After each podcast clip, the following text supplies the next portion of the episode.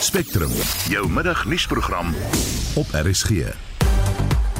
In die program vra ons of Suid-Afrikaners werklik weet hoe diep georganiseerde misdaad in die land gewortel is.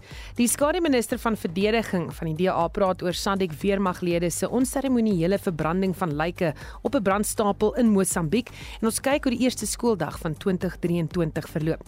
Die span in die ateljee se redakteur Marlenae Forsie, produksieregisseur Daitrin Godfrey en ek is Susan Paxton. Daar is geen verkeer. In Gauteng in Johannesburg was daar 'n botsing op die R21 Noord net na die Babsfontein wisselaar. Twee bane is versper. In Kaapstad op die N1 stad uit, net na die Monte Vista Laan, staan 'n voertuig in die linkerbaan.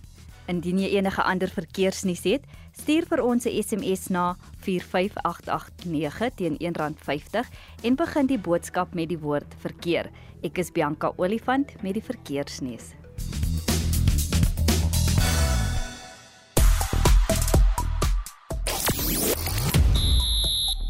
Na gister se skitter vertoning deur Dewald Brewes is vandag die kans vir die Joburg Super Kings of die Durban Super Giants om hul staal te wys in die SA20.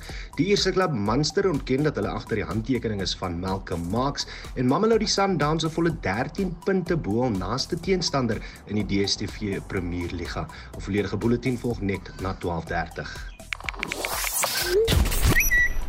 Sosiale media gebruikers gon steeds oor die bedanking van die Ditso Botla munisipaliteit se burgemeester, Itumeleng Lekotto, vroeër die week. Indien jy stories misgeloop het, sê het enkele ure na haar aanstelling as burgemeester bedank.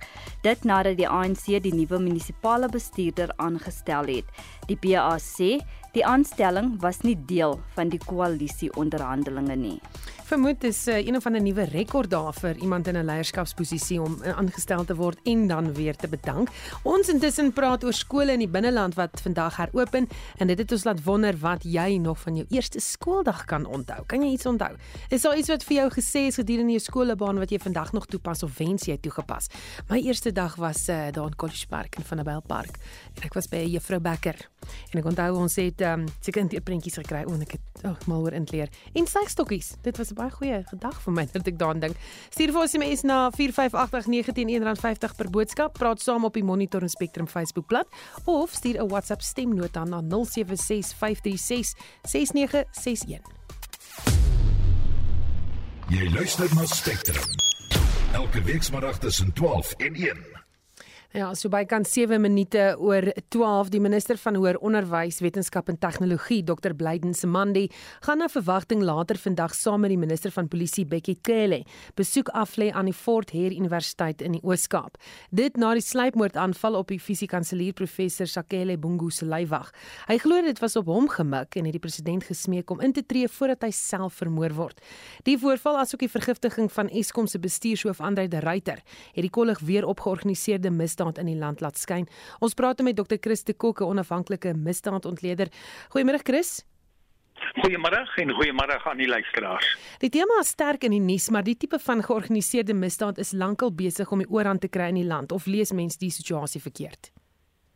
Nee nee, ek dink nie enige een lees die situasie verkeerd nie. Ek sou sê 10, 15, 20 jaar gelede was georganiseerde look, uh, eintlik georganiseerde misdaad is met ons vir al die jare oor dekades. Maar daar het 'n duidelike toename in die afgelope 10, 12 jaar plaasgevind. Hier ook soos die misdaad verander het hier van 2012 se kant af. En ek moet sê in die afgelope paar jaar raak ek diep bekommerd oor dat ons in 'n greep van georganiseerde misdaad is wat ons verwrig. Dit verwrig ons, dit verwrig Suid-Afrika en dit vernietig Suid-Afrika. Ek is bevrees jy kan maar kyk net waar jy wil. Eskom uh die die totale gesondheidssektor, die universiteite, daar's omtrent niks wat jy kan opnoem waar daar nie georganiseerde misdaad is nie. Uh en ek dink dit is dit is werklik bekommerd, kommerwekkend. Dan sien ons dit nou eers raak omdat hierdie hoë profiel mense betrokke is. Ja, ek dink ons sien dit toenemend raak omdat hoë profiel mense betrokke is en die feit dat hulle ook nou vermoor word. Uh dat jy dat jy mense kry vletjie blaasers wat wat dood eenvoudig vermoor word. Eers was dit miskien 'n geval van, jy weet, dreigemente, uh allerhande uh uh die die die, die georganiseerde misdaad het gekyk wat wat hulle wat hulle in jou rekord kan kry, wat hulle teen jou kan gebruik en jou afpers. Maar nou as daardie goed nie werk nie, dan uh, gee hulle nie om nie, dan maak hulle dood. Ek meen uh, dit het nou ook al 'n georganiseerde misdaad en 'n besigheid geraak om mense te kry wat uh, wat mense uithaal. Ja, ons sien dit al vir 'n geruime tyd, maar ons sien dit toenemend dat feitjie basis uh belangrike mense dood eenvoudig uh vermoor word. Hmm. En dit al in sigself is 'n georganiseerde bedryf. Die ek weet nie in Afrikaans nie, maar in Engels die squats. Hoekom vind hierdie misdaad so openlik plaas sonder enige ooglopende gevolge? Wel, daar kan net 'n paar verklaringe wees. Die een verklaring is daar is geen politieke wil om dit te bekamp nie. Omdat belangrike mense betrokke is. En uh, en daarom is dit maar beter om dit toe te laat en maar te laat aangaan. Want as daar die politieke wil was en die wil aan die kant van die wetstoepassers en die steun aan die wetstoepassers van af bo van af die politieke magte, dan kon mense hierdie dinge nie kiem smoor. Maar as daar nie is nie en mense is maar verkies maar om hulle oë toe te knyp en, te, en niks daaraan te doen nie, miskien selfs omdat hulle op die uh, omdat hulle aan die ontvangkant is, nou ja, dan dit dit dit maak dit baie ernstig. Die ander ene is miskien dat ons nie uh dat ons net nie die wil het, die die wetstoepassers net nie die wil het of die kennis het of die ervaring het om hierdie ding op te slaan nie.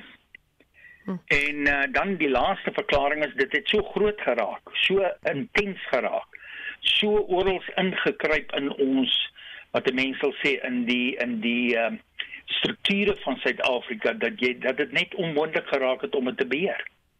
Uh onlangse verslag wat uh, in September 2022 uh ges, uh vrygestel is die Strategic Organized Crime Risk Assessment of South Africa deur die Global Initiative Against Transnational Organized Crime. Skets 'n prentjie wat wat wat letterlik ek sit met hom hier voor my net om na die inhoudsopgawe te kyk.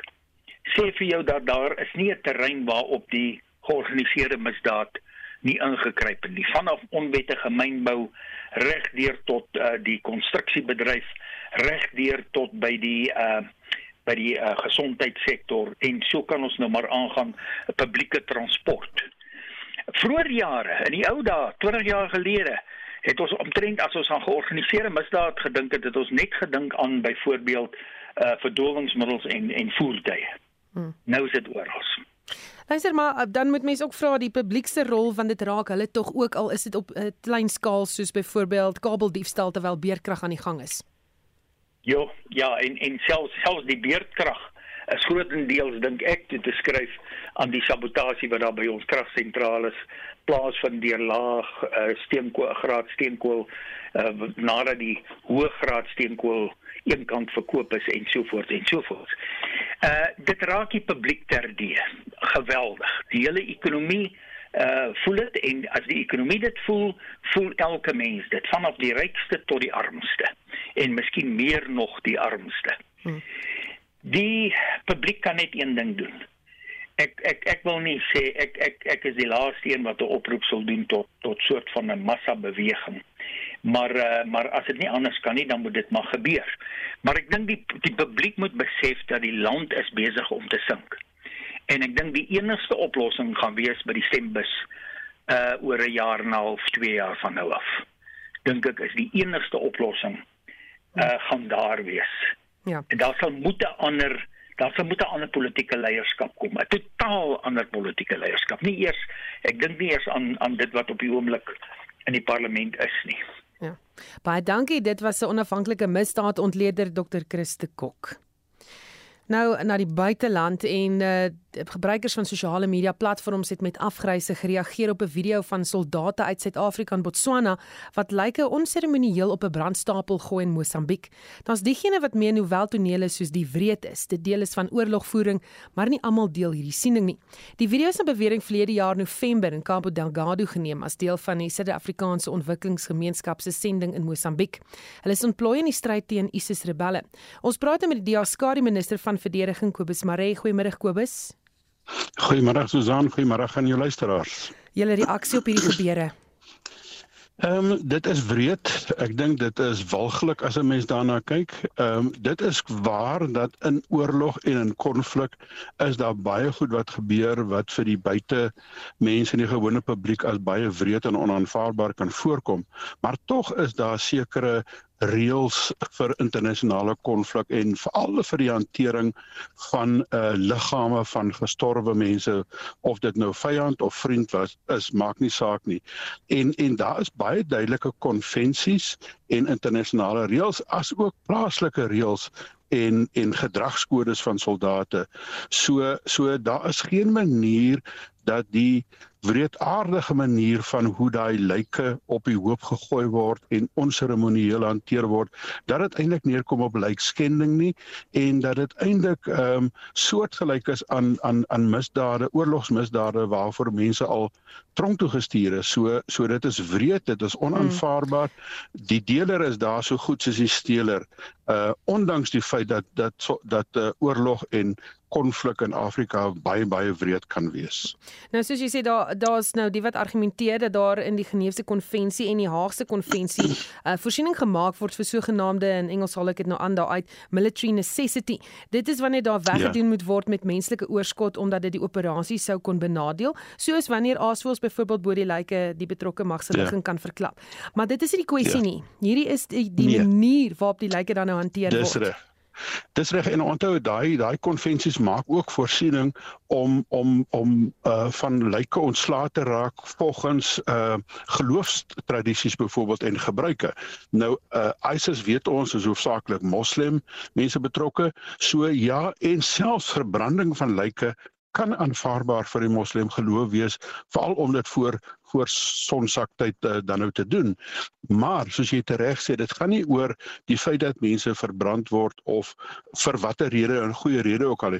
Dit gaan hier oor die manier hoe dit hanteer word en daar is baie duidelike voorskrifte oor hoe jy met lyke te werk gaan en dat jy nie onmenswaardig en en en sonder integriteit daarmee moet omgaan nie. Dis baie belangrik. Ons moet onthou ons eie soldate is baie keer onderhewig aan aan aan sterftes in in konflikgebiede. En ons wil nie hê dat ons eie soldate se lyke so behandel word nie. So so manowore wat goed is vir ons moet goed vir die ander wees. En en onthou met vandag se daar daar wat alles op sosiale media kom. Ons het gesien dat daar's mense almal staan met fone en hulle neem dit af uh, en dit word die wêreld ingestuur. So ongelukkig sou dit nie afgeneem geword het nie sou ons waarskynlik nie geweet het daarvan nie. Sou daai Suid-Afrikaanse spesmagsoldaat nie daar geloop het met sy geweer op die grond gesleep het en met sy foon gestaan het nie sou ons waarskynlik nie geweet het dat 'n Suid-Afrikaanse soldaat betrokke is nie. Ongelukkig dit is dit is dinge onder deur die brug water onder deur die brug. Ons weet dit nou en ons weet dit op die oog af. Blyk dit asof ons in instemmend deelneem aan hierdie proses en en natuurlik is dit onaanvaarbaar. Ons weet dat saam se bevelvoerder wat 'n Suid-Afrikaner is, het onderneem om sy eie ondersoek te doen. Ongelukkig is dit nie vir ons genoeg nie. Daai is 'n soldaat van Suid-Afrika vir Operation Vikela wat deur die president gemagtig is en oor wie ons as parlement oorsig het. So met ander woorde, daar moet verantwoording wees en indien iemand die wet oortree het, soos wat in ander Afrika lande al baie gebeur het, dan moet mense verantwoordelik gehou word en aanspreeklik gehou word. Onthou in in in die DRK was weet was die Verenigde Nasies absoluut streng op ons op ons soldate in terme van die so sogenaamde SIA oortreding sexual exploitation and abuse. Ja. Hierdie is baie baie erger as dit. So so ons kan nie ons oop maak ongelukkig daarvoor nie. Baie dankie. Dit was die DA-skare minister van verdediging Kobus Maree. Ons gaan 'n bietjie later terugkeer na hierdie storie. Vir nou eers ander nuus. Die 2023 akademiese jaar vir binnelandse skole het vandag begin. Meer as 1300 graad 1 en 8 leerdlinge in Gauteng wat aanlyn aansoek gedoen het, is nog nie geplaas nie. Die Gautengse ALR vir onderwys, Matomi Shwalani, het die versekering gegee dat alle leerdlinge geplaas sal word, Bianca Olifant berig. Woedende en gefrustreerde ouers het gister na distriksonderwyskantore en skole gestroom in die hoop om op die laaste oomblik bevestiging van plasings vir hulle kinders te kry. Ouers blameer die aanlyn registrasiestelsel en sê dit moet geskraap word. Most of the children that we have, they are raised by grandmothers. They don't have any facilities. Why can't you go to schools, grade 7s and grade 5s? go to the hall, meet up with the parents and the children, submit all the children that's supposed to go to high school in a proper direction. In the old days, they ask you at school, grade seven come this side, grade no. because now they are saying they are giving parents schools that we never choose. Why are they choosing schools for parents? Die Gautengse LER vir onderwys, Matome Chilwane sê, die departement werk onverpoost voort om seker te maak dat alle leerders geplaas word. So there are certain areas where there are pressure areas, and that's where this number comes from. Ekurhuleni North, namely the Oliphant and Kempton Park area, where we are this morning. This is a very, very high pressure area. So in Oliphant, we have in place uh, engaged a church uh, where they've given us space to ensure that we close off the remaining 236 grade 1 applicants.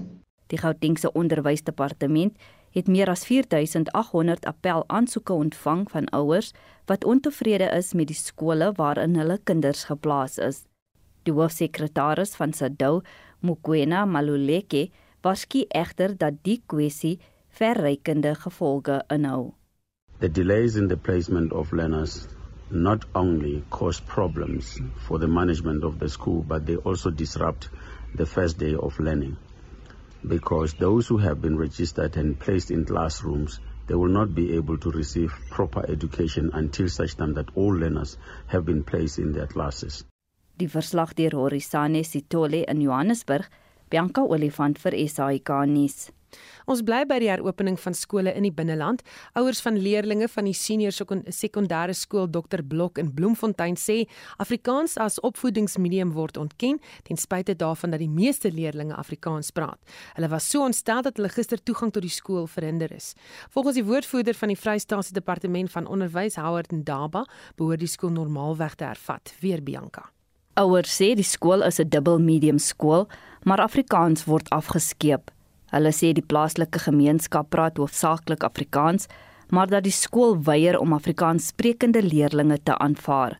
'n Besorgde ouer, Sofia Swart sê, hulle moes intree. Die Afrikaanse taal en die voertaal van ons mense word heeltemal word dit nou van nuut of van kant gemaak as ek dit so moet stel in Dr Blok. Ons het verskillende onderhandelinge en vergaderings met die hoof gehad hier rondom as ouers en gemeenskapslede, maar die hoof vat ons glad nie kop toe nie. Hy wil nie met ons praat nie. Ons het verskillende afsprake gehad met hom. Hy het blaatant en uitdruklik vir ons gesê, "I will not see you or there is no meeting whatever." Sy sê hulle is ook moedeloos oor korrupsie in die skool. So ons vra dat die minister Tait Magwe moet kom en hy moet hierdie dinge kom adresseer hierso. Dis die rede hoekom ons as 'n gemeenskap vanmôre hier is. Ons gaan nie verhinder dat enige van ons kinders skool hierso moet gaan nie of in moet gaan nie, maar ons vra dat hierdie dinge geadresseer moet word. Dis nie 'n politieke issue nie, dit is glad nie 'n rasse issue nie. Dit gaan oor die bevordering van van ons kinders en die toekoms van ons kinders. Sommige ouers wat oorkant die skool woon, sê hulle is versoek om die departement te raadpleeg as hulle plek vir hulle Afrikaans sprekende kinders wil kry. Iets waaroor hulle nie tevrede is nie. Ek bly oorkant Dr. Blok sekondêre skool. Ek het verlede jaar gekom om my kind uh, te kom registreer. Die kind was nie aanvaar nie weens hulle vat spesiale gevalle waar kinders byvoorbeeld ouers onder uh, deur um, egskeiding gaan en ek moet uh, departement van onderwys toe gaan om 'n brief te kry en dan kan ek weer terugkom skool toe. Ek was hier by die skool, waar ons begin die kinders inskryf by die skool. Toe stuur ek die vorm, toe kom ek nou vandag en in die nuwe jaar om te kom hoor het hulle my kind aanvaar. Die hoof, hy jaag my weg van die hek af. Hy sê vir my ek moet Department of Education gaan. Die woordvoerder van die Vrystaatse Departement van Onderwys, Howard Ndaba, sê hulle gaan met die ouers praat sodat registrasie kan voortgaan. Well, our plan is to to make sure that uh, we start 2023 academic year on a high note. There are a lot of learning gaps. We need to make sure that we work together with all the stakeholders, including parents, community members, to make sure that uh, we ramp up uh, our, our education, we ramp up our curriculum to make sure that we, we get maximum outcome in terms of making sure that uh, learner attainment is achieved. Die verslag deur Kamogelo Sekwe in Bloemfontein, Bianca Olifant vir SAK nuus. Intussen het onderwysvak uh, onderwysersvakbonde hulle mening van die eerste skooldag met ons gedeel en hier is die stemme van Vetsa se Jaco Deeken en die SAOI se Chris Klopper en Basil Manuel van Naptosa. Die eerste skooldag van die nuwe skooljaar het sover goed verloop. Die terugvoer wat ons uit die provinsies gekry het by ons lidskole is oor die algemeen baie positief geweest. In die Vrystaat het die provinsiale departement sommer van die eerste dag af al inspeksies by skole gehad om seker te maak dat alles reg verloop met kontrolelyste. In skole moes bond staan vir die amptenare so saam met die nuwe leerders in die skool. In Mpumalanga is daar nog 'n bietjie geskarrel om vir 'n paar leerders sitplekke te kry, maar oor die algemeen het dit goed gegaan met die eerste dag daar, so ook in Noordwes. In Gauteng blyk dit dat die drukpunt maar in Pretoria Noord bly, waar daar definitief te min skole is en waar daar betogings by van die skole was en dan ook die area rondom Kenton Park waar 'n klomp ouers ongelukkig is waar kinders nog nie plek gekry het nie. In Limpopo het ons betogings gehad in Ellis Ras, ongelukkige ouers wat se leerders nie daar geplaas is nie en uh, word daar tans hofaansoek deur die beheerliggaam teen die departement gebring en dan 'n uh, politieke party wat wil toegang hê tot skole in Tsanin. Nou die toegang is uit die aard van die saak geweier. Ouers moet by die distrikskantoor gaan aanmeld. Maar oor die algemeen dink ek het die eerste dag in meeste provinsies redelik goed verloop. Ons is bly om te rapporteer dat skole gereed is om leerders terug te verwelkom, ondanks die oorblywende probleme wat die onderwysstelsel uh, teister. Kwessies van oorbevolking en plasing van leerders is baie kommerwekkend. Om onderwys 'n topprioriteit te maak, vereis dat die waardigheid van leerdlinge en onderwysers ook 'n prioriteit sal wees. Die SOE het die verskillende provinsies in die binneland gemoniteer. Die terugvoer wat ons kry van ons provinsiale verteenwoordigers is dat oor die algemeen verloop dit baie goed en is dit rustig. Die verwagte brandpunte wat ons verwag het in Gauteng, dit wil sê in Johannesburg Wes en Pretoria Noord, daar is dit nog relatief stil. Ons weet daar is 'n aantal ouers wat toegang wil hê tot van daardie skole, maar daai skole is vol en het kapasiteit bereik en ons hoop en vertrou dat die gebruikelike politieke ry nie daar sal plaasvind nie. Ons is ook vol vertroue dat die 1500 leerders wat nog steeds geplaas moet word, dat daar vir hulle plek gevind sal word. En dit is belangrik dat mense dit ook in konteks stel. Daar's ongeveer 2000 skole in Gauteng. Daar is 2 miljoen leerders in Gauteng en dan ongeveer so 170 000 leerders per graad. So relatief gesproke behoort dit maklik bestuurbaar en hanteerbaar te kan wees. Ons het wel egter 'n brandpunt by Hoërskool Ellis Ras in Limpopo. Daar is 'n aantal ouers wat toegang tot die skool wil hê. Hulle weier om te aanvaar dat die skool vol is en hulle het reeds die skoolhek afgebreek en hulle dring nou daarop aan om weet jy toegang te kry. Die vergadering is geskuif nou na die dorp se stadsaal toe en daar sal nou verder vergader word om die skool veilig te hou. En hierdie politieke ry en die rede hoekom mense weet jy die onderwys wil gebruik om politieke munt te slaan is een van die redes hoekom ons 'n hofaansoek geloods het teen die departement van basiese onderwys. Daar moet nou vir eens en vir altyd kriteria bepaal word oor wanneer is 'n skool vol en dat almal dit volgens dieselfde maatstaf kan gebruik. Suid-Afrika kan nie bekostig om jaarliks aan hierdie ongelooflike konflik blootgestel te word nie. Dit is nie tot voordeel van enige iemand nie en ons hoop en vertrou dat ons binnekort 'n uitslag hieroor sal kry. Jy luister na Spectrum. Op RSG.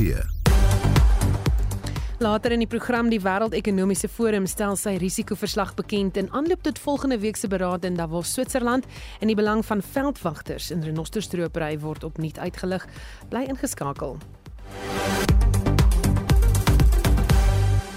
Daar is geen verkeer.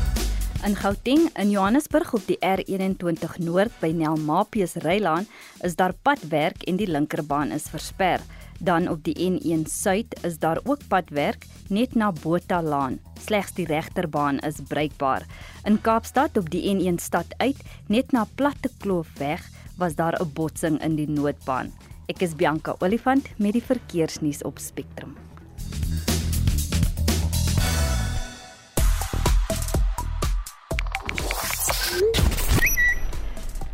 Sosiale media gon steeds oor fase 6 beerdkrag wat tot verdere kennisgewing ingestel is. En dan trek die hitsmerk Grade 1 ook baie aandag met meer as 19000 tweets. Sjoe, en al ek weet nie of jy gesien het Bianca al daardie foto's van al die graad 1s op sosiale media. Ek het aanvanklik gedink ag nee, is weer daai dag, maar ek kan nie help om maar ook nog te loer nie, te oulik. Nou ons gesels ook oor die eerste dag, jou eerste dag, maak nie saak hoe lank terug dit was nie. Ehm um, luisteraar is Marie Hun van Baloo Reservaat in Hoedspruit en sy sê sy is in graad 1 gewees in 1954 by Nelspruit Laerskool en sy kan goed onthou dat sy agter in die klaskamer weggekruip het byna die hele dag en voel soos gister sê sy. En dan sê nog iemand uh, Leonie, ek onthou ek het nie gehuil nie en my ma het my skool toe gevat en ek was in die fisieklas. Waar was jy Leonie? Wat se skool waar? En Esther de Lange wat vertel ek is in 1970 graad 1 toe. My beste maatjie het twee huise van ons gebly en ek het saam met hom in sy ma skool toe geloop. Ek was heel opgewonde, 'n houttas en 'n tamatie toebroodjie wat pap was teen pouse. Een van my beste uh, herinneringe sê sy en daai houttas, seker daai breinboks tassies en ek het so eene gehad. O, ek onthou dit nou ewe skielik. En dan sê ander luisteraar dis Johan, hierdie is hierdie is ek jammer Johan, hierdie is baie slegte dag gewees vir jou, maar ek kan nog onthou hoe het my skoene my gedruk op my eerste skooldag. Ek is 70 vandag.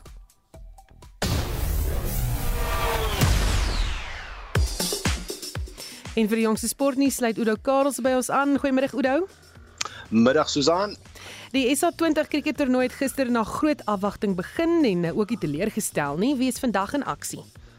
Wel vandag Piet 'n geleentheid vir die Durban Super Giants begelei deur Quentin de Kock en die Josie Super Kings begelei deur Faf Du Plessis om hul staal te wys. En ek moet sê ek was beïndruk met die eerste wedstryd gister. Die openingsseremonie was goed geweest. Die Welling Cricket Stadion was stampvol en die feit dat al die kaartjies reeds vir die eerste 5 wedstryde uitverkoop is, is bewys dat ons eintlik honger was vir die toernooi. Nou die openingswedstryd het ook glad nie teleurgestel nie soos jy gesê het. Jaffer Archer het uh, sy terugkeer na 17 maande se afwesigheid bekroon met 'n blitsbal vertoning van 3 vir 27 en dit nou in sy 4 balbeurte. Maar die dag het aan die jong ster Dewald Brewes behoort sy 70 van net 41 balle en dit het 4 vure en 6 massiewe sesse ingesluit.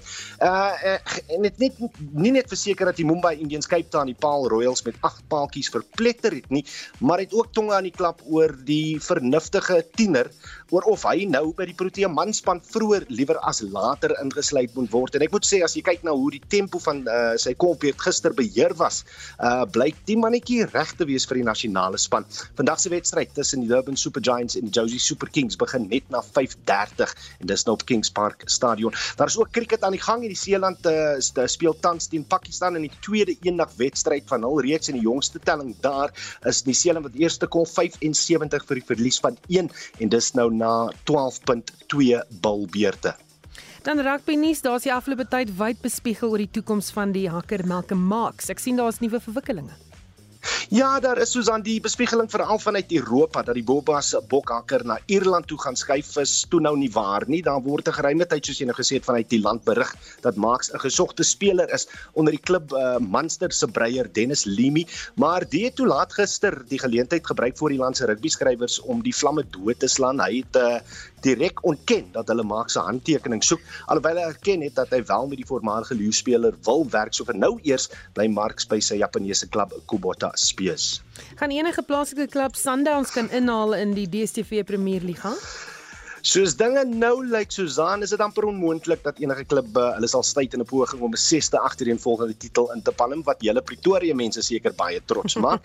Dis ook die ander Pretoria klub wat in uh, die beste posisie is om dit te doen, maar as ek sê die beste posisie, bedoel ek eintlik SuperSport United wat tweede is op die punteteler sit nou 'n volle 13 punte agter Sundowns na hulle 2-1 oorwinning gisteraand oor Chippa United. Die aksie in die liga hervat natuurlik weer Vrydag aand wanneer Kaizer Chiefs wat in 4de plek is Durban toe reis om kragte te meet met Amazulu of teen Amazulu. In uh, ander sokkernuus speel Nottingham Forest vanaand teen Wolves terwyl Southampton tuis sal wees teen Man City en dis nou in die Carabao Liga beker Manchester United en Newcastle. Hulle is reeds gisteraand na oorwinnings deur na die halfeindstryd. En net in 'n laaste brokkie nuus Susan het die uh, algehele voorloper in die trok afdeling van die Dakar tydren, Ales Loprey onttrek Dis nou vroeër vanoggend na sy voertuig gister betrokke was aan 'n ongeluk waarin 'n 69-jarige fotograaf beswyk het aan sy beserings. Dankie, dit was Udo Karlse met die jongste sportnuus. En gepraat van die Dakar, die Dakar tydren is in volle swang en Fritz Laaste hou dit dop en het 'n paar interessante feite oor die wedren. Vandag vind skof 10 plaas in die Rub al-Khali woestyn in die suidoostelike helfte van Saudi-Arabië, bekend as die empty quarter, so rowweg vertaal as die leë kwartier. En dit kan beskryf word omtrent as niks anders as woestyn nie. En uh, dit beslaan die grootste deel van die Arabiese skiereiland, 'n sandsee wat so wat 650 000 vierkante kilometer beslaan. Dit is groter as die hele Frankryk. Trouwens, hoewel dit kleiner is as die Sahara woestyn, is dit as 'n uitgestrekte suiwersandgebied die grootste ter wêreld. Die tydren kuier vir die volgende 3 dae hier wat eh, insluit skofte 10 van vandag, skof 11 môre en skof 12 Vrydag. Daarna het ons nog twee skofte van die tydren oor wat Sondag ten einde loop aan die teenoorgestelde kant van waar dit begin het in Daman aan die Pers Persiese Golf. Ons het vanoggend vir Gerard Skutte van die Tom and Jerry span gevra oor sy indrukke van die dag wat voorlê. Gerard is 'n uh, Tom Bell van Brittanje se spanmaat en hulle ry 'n Nissan Navara motornommer 245 van Redline TBR span. Hulle moes vroeg beweeg uit die bivak vanoggend om ongeveer 6 ure te ry na die wegspringplek. Gerard Skutte. Ja, dis vandag Woensdag 11 Januarie. Ons het 'n uh, 'n verskriklike lang open section 6 ure om 467 km te ry en dan het ons 'n kort vinnige seksie. Ek dink hulle gaan vir ons in die duine indruk net om ons gewoond te maak aan die empty quarters se duine. Alles lyk goed. Ons is lekker aan die gang. Die spirit is goed in die kar. Ons besef ook ou moet nou net die kar tot by die einde aanbring en ons probeer alles in ons vermoë om dit reg te kry. Uh ek hoor daar's moontlike spectator gister doodgery deur 'n lorry in die sandbaan. Ons sal uh julle kan maar kyk of julle iets daarvan sien. Ek dink die ouens gaan uh dit nie baie wyd verkondig op social media nie alle sterkte, gesels weer. Dit is 'n kort roete vandag, maar uh, weens die omgewingsomstandighede van diep woestyn is die gemiddelde snelhede, ons vat net van motorfietsse vandag ongeveer 65 km/h.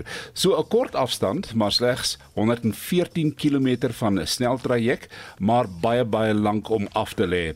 Soos Gerard daar gesê het, dis 'n soort van 'n voorbereiding vir môre se uiters moeilike skof wat voorlê. Maar in totaal lê hulle vandag, luister mooi hier, 1556 km van bivak vanoggend tot bivak vanaand. Dis baie baie vermoeiend. Die grootste gedeelte van vandag se roete is nie deel van die jagtog waarin tyd gemeet word nie.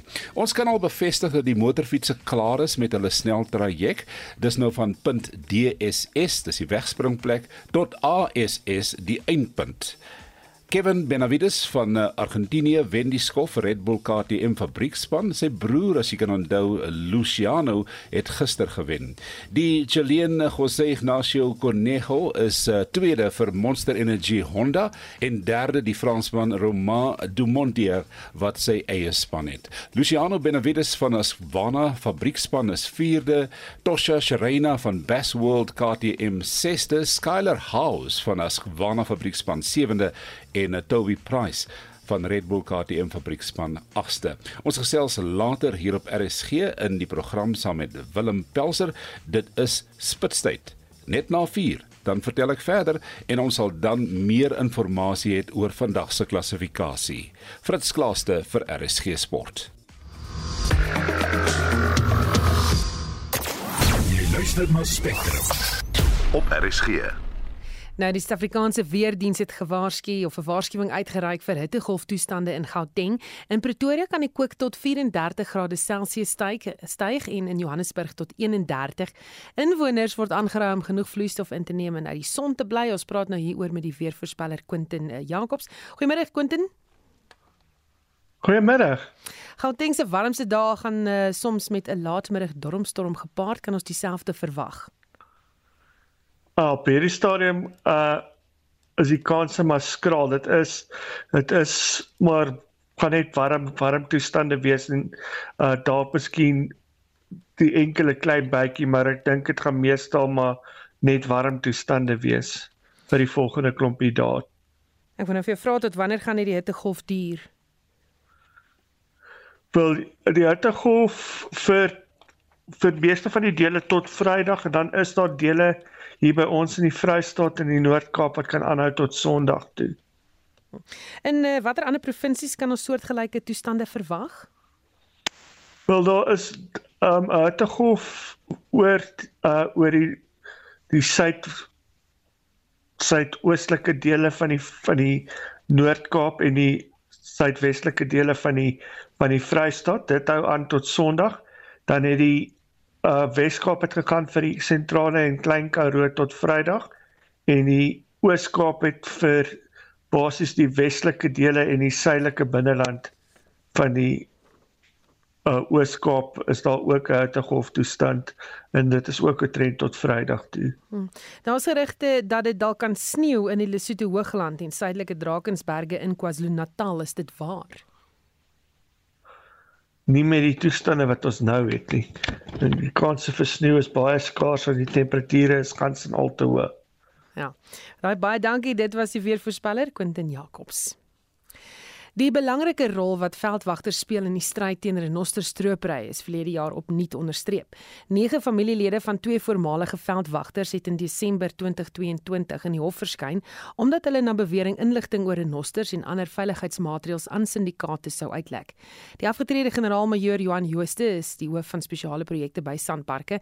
In sy boek Rhino War sê hy hy is 'n voorstander van leenverklikkertoetse vir veldwagters om die situasies te vermy. Dis egter met heelwat teenstand begroet. Binne 2 maande of 6 weke het ek besef wat ek genoem het the war from within. Ek sal korrupsie moet beklei. Ek sal inligting moet hê want ons het nie werklik inligting nie. Ander instansies het dit nie. En toe het ek die strategie geformuleer wat sê clear the park from the outside. Maak die park van buite af skoon. Wat beteken jy begin in die gebruikerslande, jou internasionale netwerk, netwerke op die kontinent, naas jou park en dit binne jou park ook. En terwyl dit gebeur het, het ek besef die kommunikasiepoging, ekstern en intern om amper tyd te koop en om uh, hoop uh, leiers is handelaars en hoop ek moes daarom hoop skep ook vir die mense wat my vertrou het.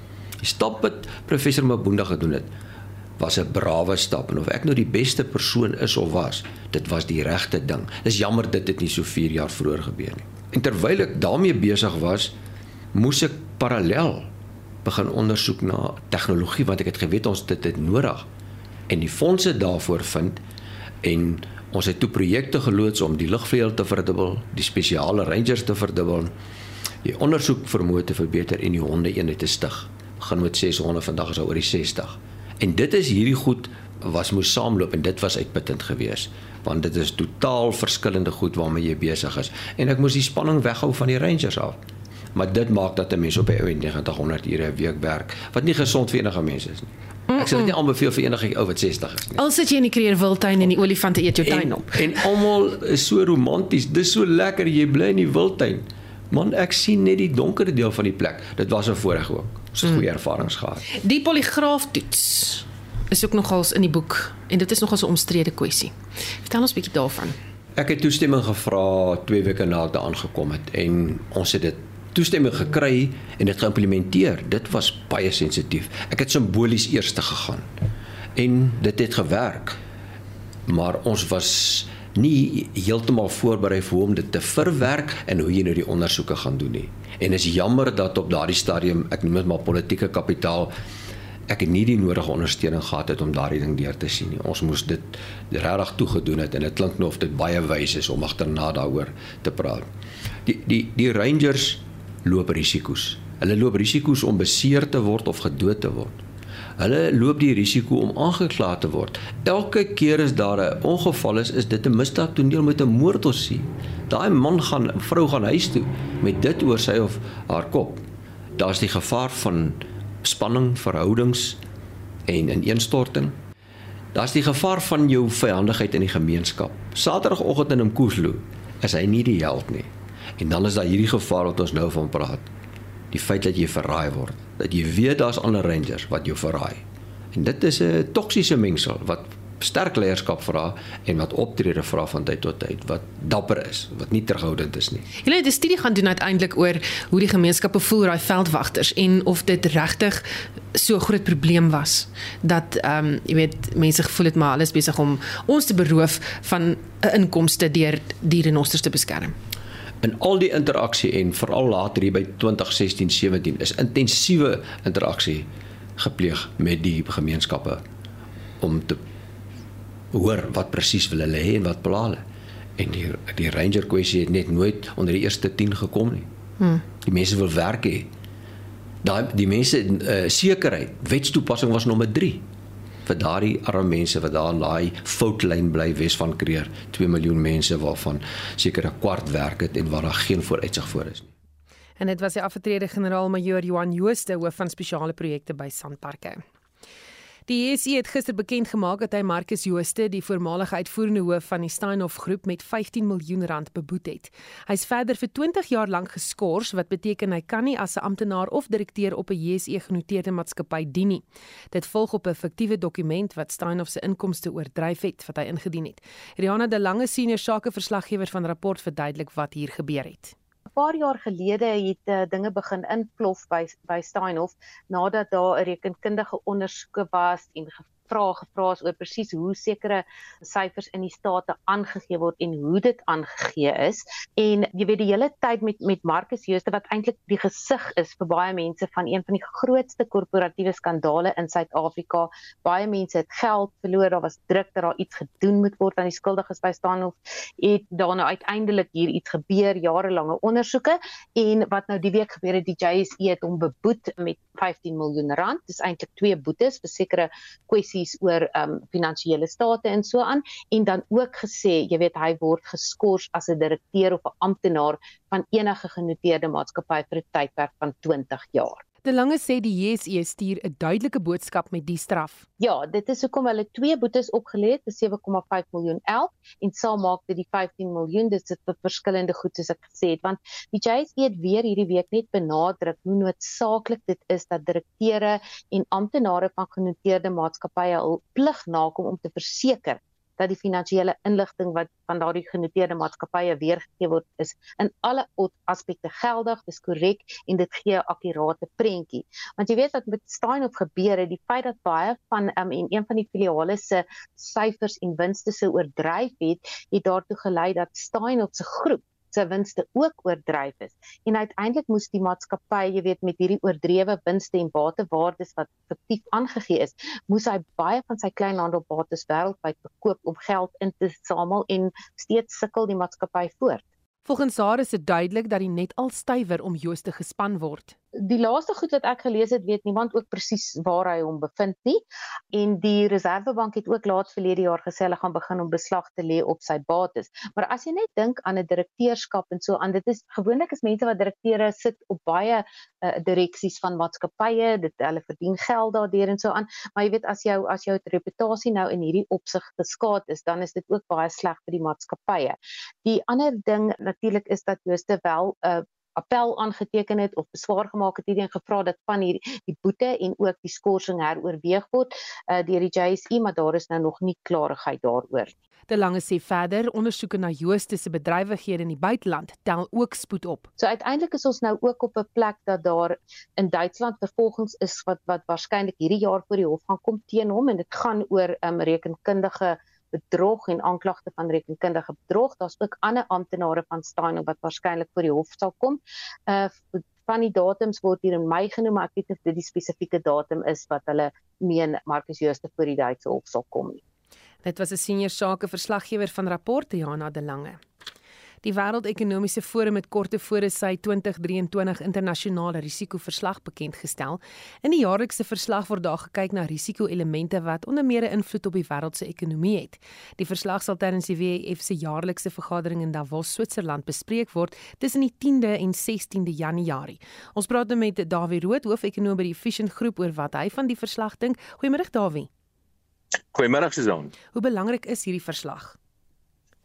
Wel, dit is 'n geleentheid waar 'n klomp belangrike mense bymekaar kom en oor sekere goed met mekaar gesels en ek dink dit is so 'n soort van die agenda wat hulle beplan om te, te bespreek en as mens hierdie verslag werk en ek moet vir jou sê dis nog 'n lywige verslag, eh, dan is daar nie vreeslik baie verrassings oor wat alles alles in die verslag staan nie. Jy weet, dit is nogal goeters wat ons elke dag oor gesels in die nuus en in die koerante lees en so voort. So ek reken is nogal belangrik, maar dit is nie veel van 'n verrassing nie.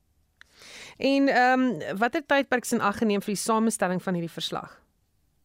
Ja, daar's daar, daar word gekyk gewoonlik na so 10 jaar. So wat hulle tipies doen, hulle kyk nou sê nou oor die volgende 10 jaar, wat is die belangrikste risikokomponente wat verwag kan word oor die volgende 10 jaar? Maar dan is ook 'n korter soort van weergawe wat kyk wat is die ergste hiervan of die mees belangrikste hiervan in die korter termyn, sê net maar oor die volgende 5 jaar of so. So daar's twee tydperke wat na gekyk word, maar basies gaan dit oor die volgende 10 jaar.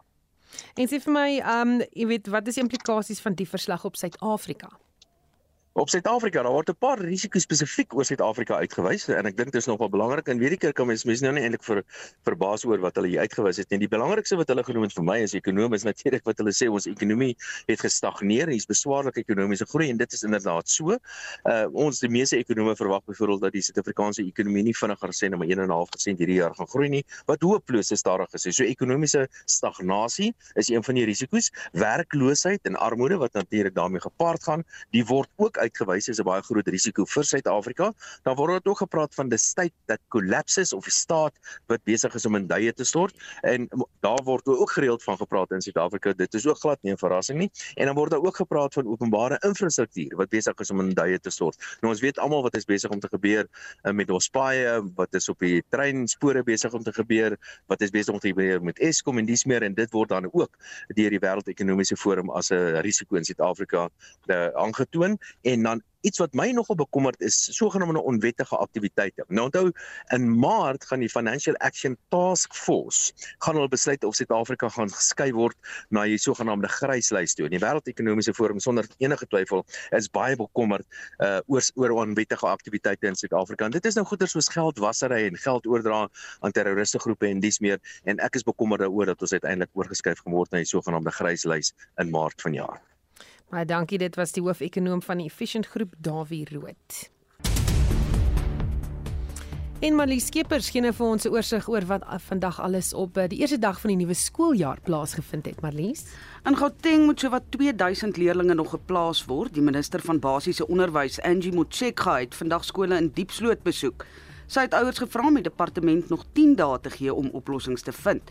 Die LER vir onderwys, Matoma Chiluane het egter onderneem dat kinders voor die einde van die maand geplaas sal word. Volgens Chiluane het hulle aanlyn probleme ervaar omdat die stelsel nie meer as 40000 aansoeke op 'n slag kan verwerk nie. En intussen het die EFF-lede en ouers buite die Dani Malan Laerskool in Pretoria Noord betoog oor skoleplasings daar. Dit het intussen in 'n rasse kwessie ontaard. Hoe lyk sake by skole in Noordwes? In Ceres het protesoptrede op die eerste skooldag die eerste skooldag ontwrig. Inwoners betoog oor waterverskaffing en skole in die omgewing is daaroor gesluit. Wat gebeur in Limpopo? Daar is 'n tekort aan plek in skole in Polokwane en Lephalale. Die LER vir maatskaplike ontwikkeling in die provinsie, Nandin Dal Dalani, is ook ernstig beseer in 'n botsing naby Tabazimbi. Sy was in die gebied as deel van die regering se veldtog vir die eerste dag van skool. En ouers by die SJ van 'n Merwe Tegniese Hoërskool is woedend nadat die skoolgeld daar skielik verdubbel het van R2900 laas jaar tot R4900 vanjaar. En in die Vrystaat Die LER van onderwys in die Vrystaat, staat Tate Makgao, het vandag 'n laerskool in Bloemfontein besoek. nadat 400 000 rand se leermateriaal vernietig is toe die skool verlede week met petrolbomme bestook is. Dan is daar ook probleme in Mpumalanga, vertel ons daarvan. In Mpumalanga is daar probleme met leerders wat nie die nodige Suid-Afrikaanse dokumentasie het en geregistreer kan word nie. Die departement vra ouers om saam met die departement van binnelandse sake te werk om die probleem uit te stryk. En Susan in die Wes-Kaap lyk dinge darm veel beter. Skole open eers volgende week daar. So wat 700 leerders moet nog in skole daar geplaas word en dit sluit graad 1s en graad 8s in. Die Wes-Kaapse departement van onderwys sê hulle verwag egter ook laat aansoeke. En dit was uh, Marlie Skeepers wat vir ons 'n uh, oorsig gegee het van wat vandag alles op die eerste dag van die nuwe skooljaar hier in die binneland plaasvind.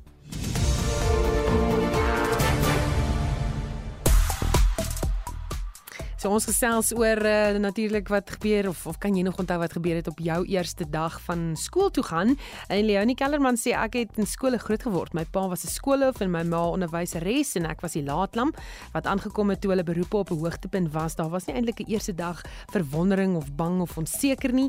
Uh Bets Ferreira wat sê ek was in 1956 in graad 1. Onthou juffrou Pinaar baie goed. Sy was die liefste mens laerskool Newlands in Johannesburg. Sy het ons in die pophuis laat speel as ons werkies klaar is tot vandag is my lesse eers werk dan speel. En Hannetjie Keet in Nieuwenhuizen sê ek was in Bloemhof in Noordwes Laerskool 1976 ek was so opgewonde het vinnig vir my ma baie baie gesê en my verkyk aan die kinders wat so hard huil toe hulle ma's hulle net daar los. Die middag na skool het ek nog tyd gehad om te wag dat my ma my moet kom haal nie. Ek het sommer met my brein bokstasie huis toe gehardloop. Oor die treinspoor tussen die bome deur tot voor die deur wat ek geleer het moenie my laat wag nie. Dan doen ek doen dan self self die ding. Uh Henriette Beer sê ek het geleer daai dag hoe om my potlood reg vas te hou. En dan Leendert Joubert wat sê ek was in 'n Bethlehem in 1955 van 5, 1955 tot 1959 die beste. Die hoof meneer Wie Kutse het altyd gesê mik hoog en dan het die geskiedenisonderwyser meneer Ali van Rensburg gesê die lewe is soos 'n ster. Nie hoe lank hy is nie, maar hoe dik. Dit het my lank gevat om die simboliese betekenis daarvan te begryp. En nog 'n luisteraar wat vir my sê ehm um, dis Anthea Botha, dis eintlik 'n hartseer storie, iets wat nogal ek gereeld hoor. Uh, my graad 1 juffrou het my probeer dwing om regs te skryf. Rex Bester wat sê ja, om na ouers en onderwysers sit te luister. Die Rotang, dit is wat my dit geleer. Die Rotang het gepraat en ek het geluister, dis wat hy geleer het. Dis nog in daai era wat hy pak slaag gekry het, klink vir my. Ehm um, nog iemand wat sê daai nie so ou is ou laaste storie. Mense skooldag was in 1952 in Tiervlei Laerskool, dis Stygerberg Hospitaal omgewing. Ek was nog nie eers 6 jaar oud nie. My niggie Annelien, net so oud soos ek, was saam met my. Ons het mekaar bygestaan, ons het gehuil. Ek was nog emosioneel reg nie. En juffrou van der Westhuizen was ons juffrou en ons klaskamer was 'n singgebou langs die hoofgebou. Dankie jy saamgesels het. Jy kan steeds saamgesels op die SMS lyn of gaan na ons Monitor Spectrum Facebook bladsy toe en dan vertel jy vir ons van jou eerste dag wat kan jy onthou. Onthou vorige uitsendings van Spectrum is beskikbaar op potgooi. Gaan gaan net na RC se webblad by www.rc.co.za en uh, onthou om in te skakel om RC om kwart voor 6 vir die brandpunt span se opsomming van die dag se nuusgebeure. Ons het namens ons uitvoerende regisseur Nicoline de Weer, redakteur Marlene Forsie en ons produksie regisseur is Daitrin Godfrey. Ek is Susan Paxton bly ingeskakel vir 360.